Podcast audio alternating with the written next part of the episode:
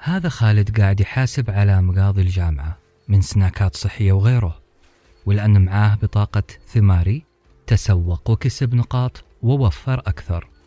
نستقبلكم في جميع فروع التميمي وللتسوق أونلاين الرابط في صندوق الوصف.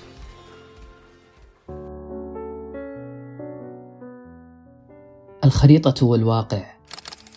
القلوب الطيبة مهما ابتعدت وغامرت وعربدت ستعود لأصلها وموطنها الحقيقي. صدقوني المسألة مسألة وقت الطيب لا يقبل إلا طيبا. معكم وافي بن عبد الله وبودكاست على ناصية الحلم. ما سمعتموه للتو كان نص تغريدة كتبتها منذ فترة. لا أبالغ لو قلت لكم بأنني لم أكتبها بناء على تأمل عقلي فقط بل من تجربة عشتها فأحببت بسببها القلوب الطيبة التي تعود إلى موطنها الحقيقي. نعم التغريدة حققت أرقاما جيدة لكن الأهم أنها داهمت قلوب أصدقائي بصدق.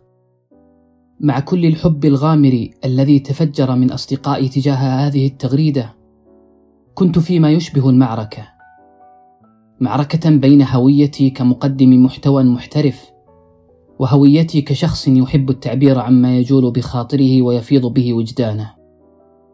كنت في لحظات أرضخ لعالم الاحتراف وأبدأ رؤية نفسي وتعريفها من خلال ما يردني من رسائل تعليقات وحفاوة. بدأت أعرف نفسي بناء على ما أفعل وأكتب بناء على خط إنتاج في عالم يقدس الاحتراف والصورة النمطية للمحترف. في عقلي بدأت ألاحظ أنني أبتعد قليلا عن كوني الشخص الذي بدأ الكتابة بشغف.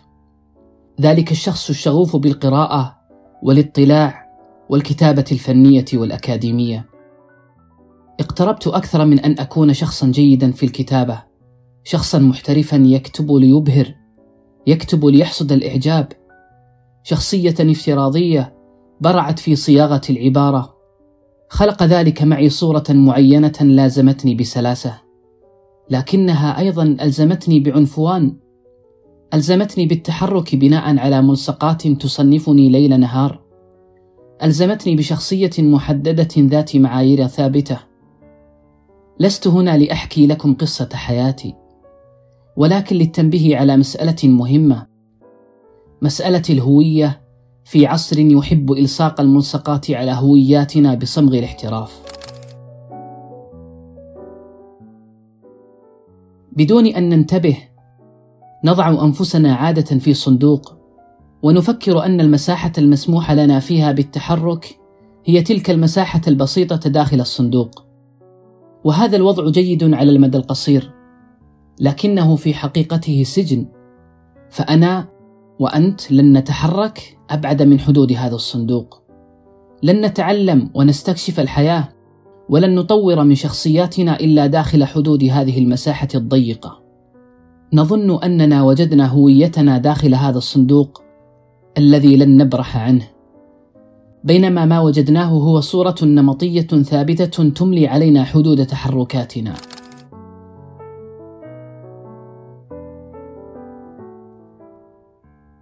يقول الفيلسوف الصيني القديم لاوتسي من يقف على أطراف أصابعه لن يستطيع البقاء ثابتا لوقت طويل. استفزتني هذه المقولة الغريبة عندما قرأتها لأول مرة. وبعد بحث وتقصي وجدت أنها تعني التالي. الوقوف على أطراف أصابع القدم بطريقة راقص الباليه هي وقفة متعبة غير طبيعية لن تستطيع معها صبرا. دقائق معدودة وستعود لوضعية القدم المسطحة كاملة على الأرض. وضعية الثبات التام.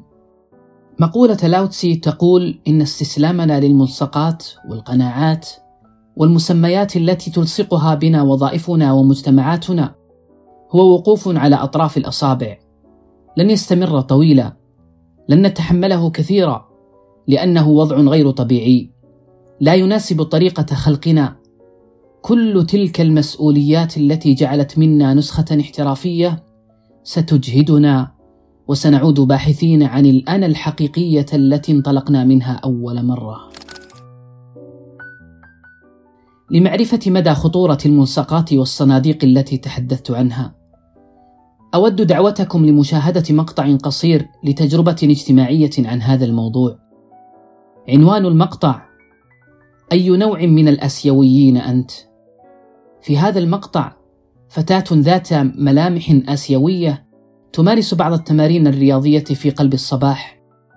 أصوات الطيور تغرد، والطبيعة تأخذ وضعها دون منغصات.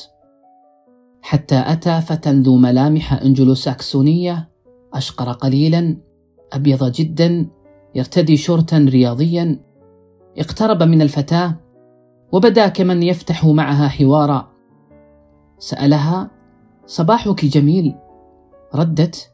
نعم هو صباح جميل ومنعش. أليس كذلك؟ لكنتها كانت أمريكية خالصة. لذلك سألها. واو إنجليزيتك عظيمة. من أين أنت؟ فردت من سان دييغو. هز رأسه وكأنه يشير بأنها إجابة خاطئة. أعاد السؤال بعد تصحيحه. أقصد أين ولدت؟ بدت عليها علامات انزعاج. قالت ولدت في سان دييغو. أصر الفتى بشكل عجيب.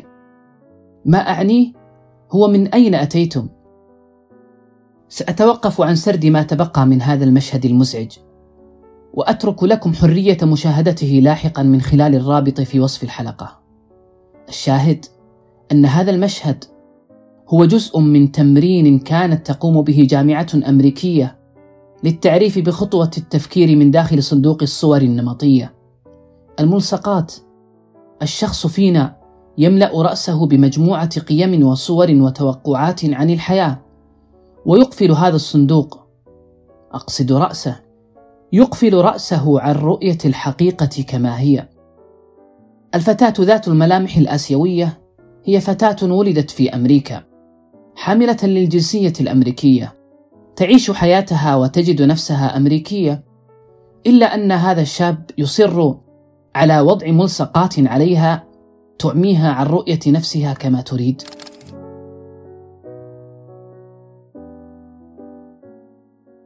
هذا المشهد مهم للانطلاق في الكلام عن خطورة الملصقات. ليس فقط على فتاة ذات ملامح آسيوية بل علينا نحن وعلى فهمنا للعالم وأهم الأهم على أنفسنا.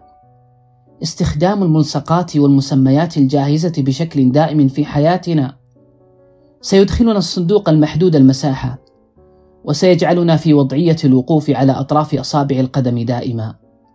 سيخلق طبقة غشاوة أمام أعيننا تعمينا عن رؤية الحقيقة البعيدة.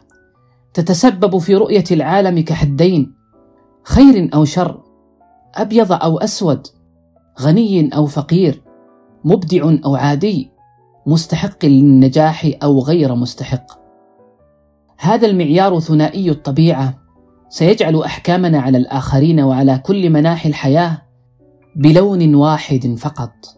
كل هذا لأننا توقفنا عن استكشاف الحياة واعتمدنا كليا على ملصقات ثابتة غير قابلة للتجديد. أقاوم دائما هذا التصنيف المستمر لي.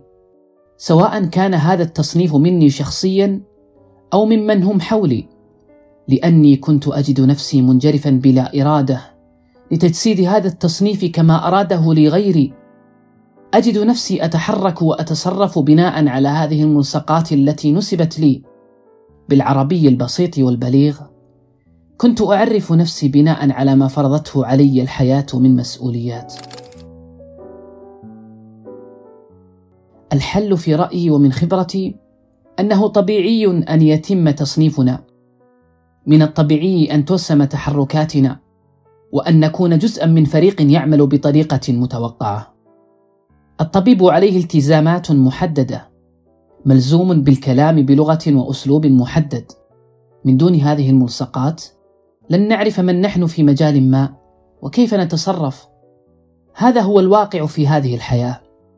حدود ترسم لنا تصنيفات وصور نمطية متوقع منا أن نجسدها على الأرض. لكن الوعي بأن ما يحصل في الواقع هو مجرد قشرة تساعدنا على فهم ما يحدث حولنا. عندما ندخل في هذا الصندوق الذي يصنف الناس ويصنع منهم صورا نمطية نستطيع الحكم على الآخر مما يظهر منهم. لكن يجب ويجب ويجب أن نعرف هذه الحقيقة.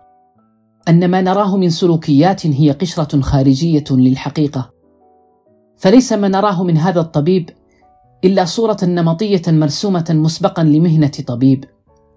وهذا الشخص المثالي جدا ارتدى قناع المثالية لأن المخرج يريد ذلك.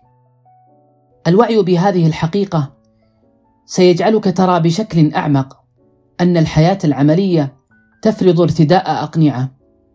وتبقى الحقيقة خلفها بالتأكيد. أنت أيضا قد ترتدي القناع تلو الآخر ولكن تعود للبحث عمن أنت. كيف تفكر؟ ماذا تريد أن تحقق؟